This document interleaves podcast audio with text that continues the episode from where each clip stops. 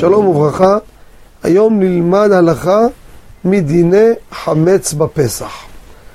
כידוע, את החמץ שהשארנו, סגרנו אותו במקום כמו שצריך, עם שילוט מכור לגוי, או שילוט חמץ שלא נגיע לתקלה.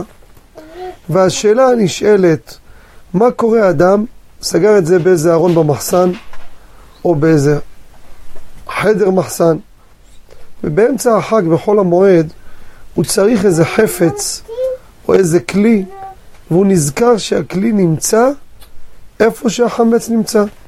האם מותר לפתוח את המקום או אסור? שהרי המקום הזה כולו גם כן סחור לגוי.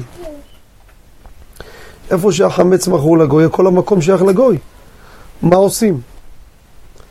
הלכה למעשה, בדרך אקראי. מה זה אקראי? באופן מזדמן. לא בתדירות, לא הרבה פעמים, מותר לפתוח במשנה זהירות את הארון או את החדר, להוציא בזריזות ובזהירות, שלא ייקח מהחמץ, את הדבר שהוא צריך, ויסגור את המקום ואין בזה איסור. ושוב על אותו משקל, אין פה סתירה למכירה, יש הסכמת הגוי גם לדבר הזה.